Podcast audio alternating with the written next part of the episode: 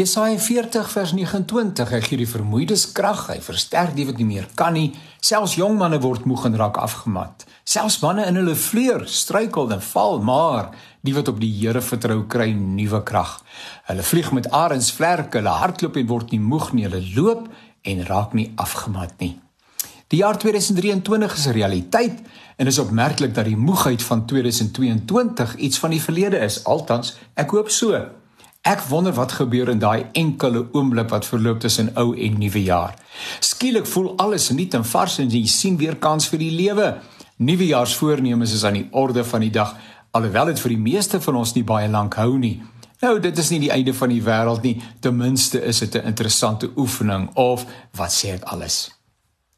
Die Here se woord is vol wonderlike beloftes en om veral aan die begin van 'n nuwe jaar kennis te neem van 'n paar daarvan is bemoedigend en dis juis wat ek in die volgende paar dae wil doen. So 'n bietjie kyk na 'n paar beloftes. Nou die belofte hierbo, die een wat ons nou vandaan saam gelees het, die een van nuwe krag selfs as jy in jou jonkheid uh dit moeilik vind om uh die pas van die uh, lewe uh gestand te doen. Dit is uh, die teks waarna ek vandag verwys.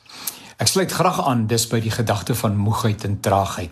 'n Mens dit kan soms aan jou kleef soos taaiheid, nê? Nee? Ek het die laaste paar weke van 2022 'n intense moegheid beleef wat toegeneem het uh uh soos die jaar uitgeloop het. En toe ek uiteindelik klaar maak met die take waartoe ek my verbind het wat deel van my weeklikse program vorm, kon ek bykans nie van die bed af opstaan sonder gevoel van magtelose moegheid nie. Maar as in hierdie tyd dat ek die belofte baie bekend raak gelees het, die een waarna ek verwys het, die een van 'n uh, nuwe krag. En alhoewel die moegheid nie sonder meer verdwyn het nie, het ek tog wel intens bewus geword dat die Here my ook in my moegheid raak sien en wil bemoedig met hierdie belofte.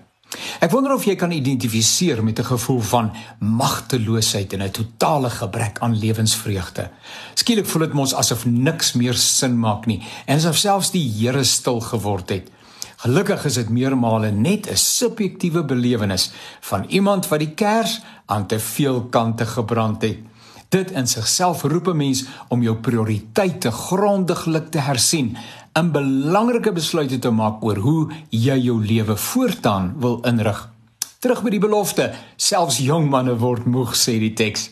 Ai, die tyd waarin ons leef is 'n lewe is intens, uitputtend en dit vra alles van 'n mens. Jong mense leef onder groot druk in 'n wêreld waar werk nie volop is nie en verskeie faktore daartoe bydra dat selfs die besgekwalifiseerde persoon nie die werk kry of behou nie. Te midde van dit alles kan arends vryheid, arends vlerke 'n mens in en deur elke krisis lei.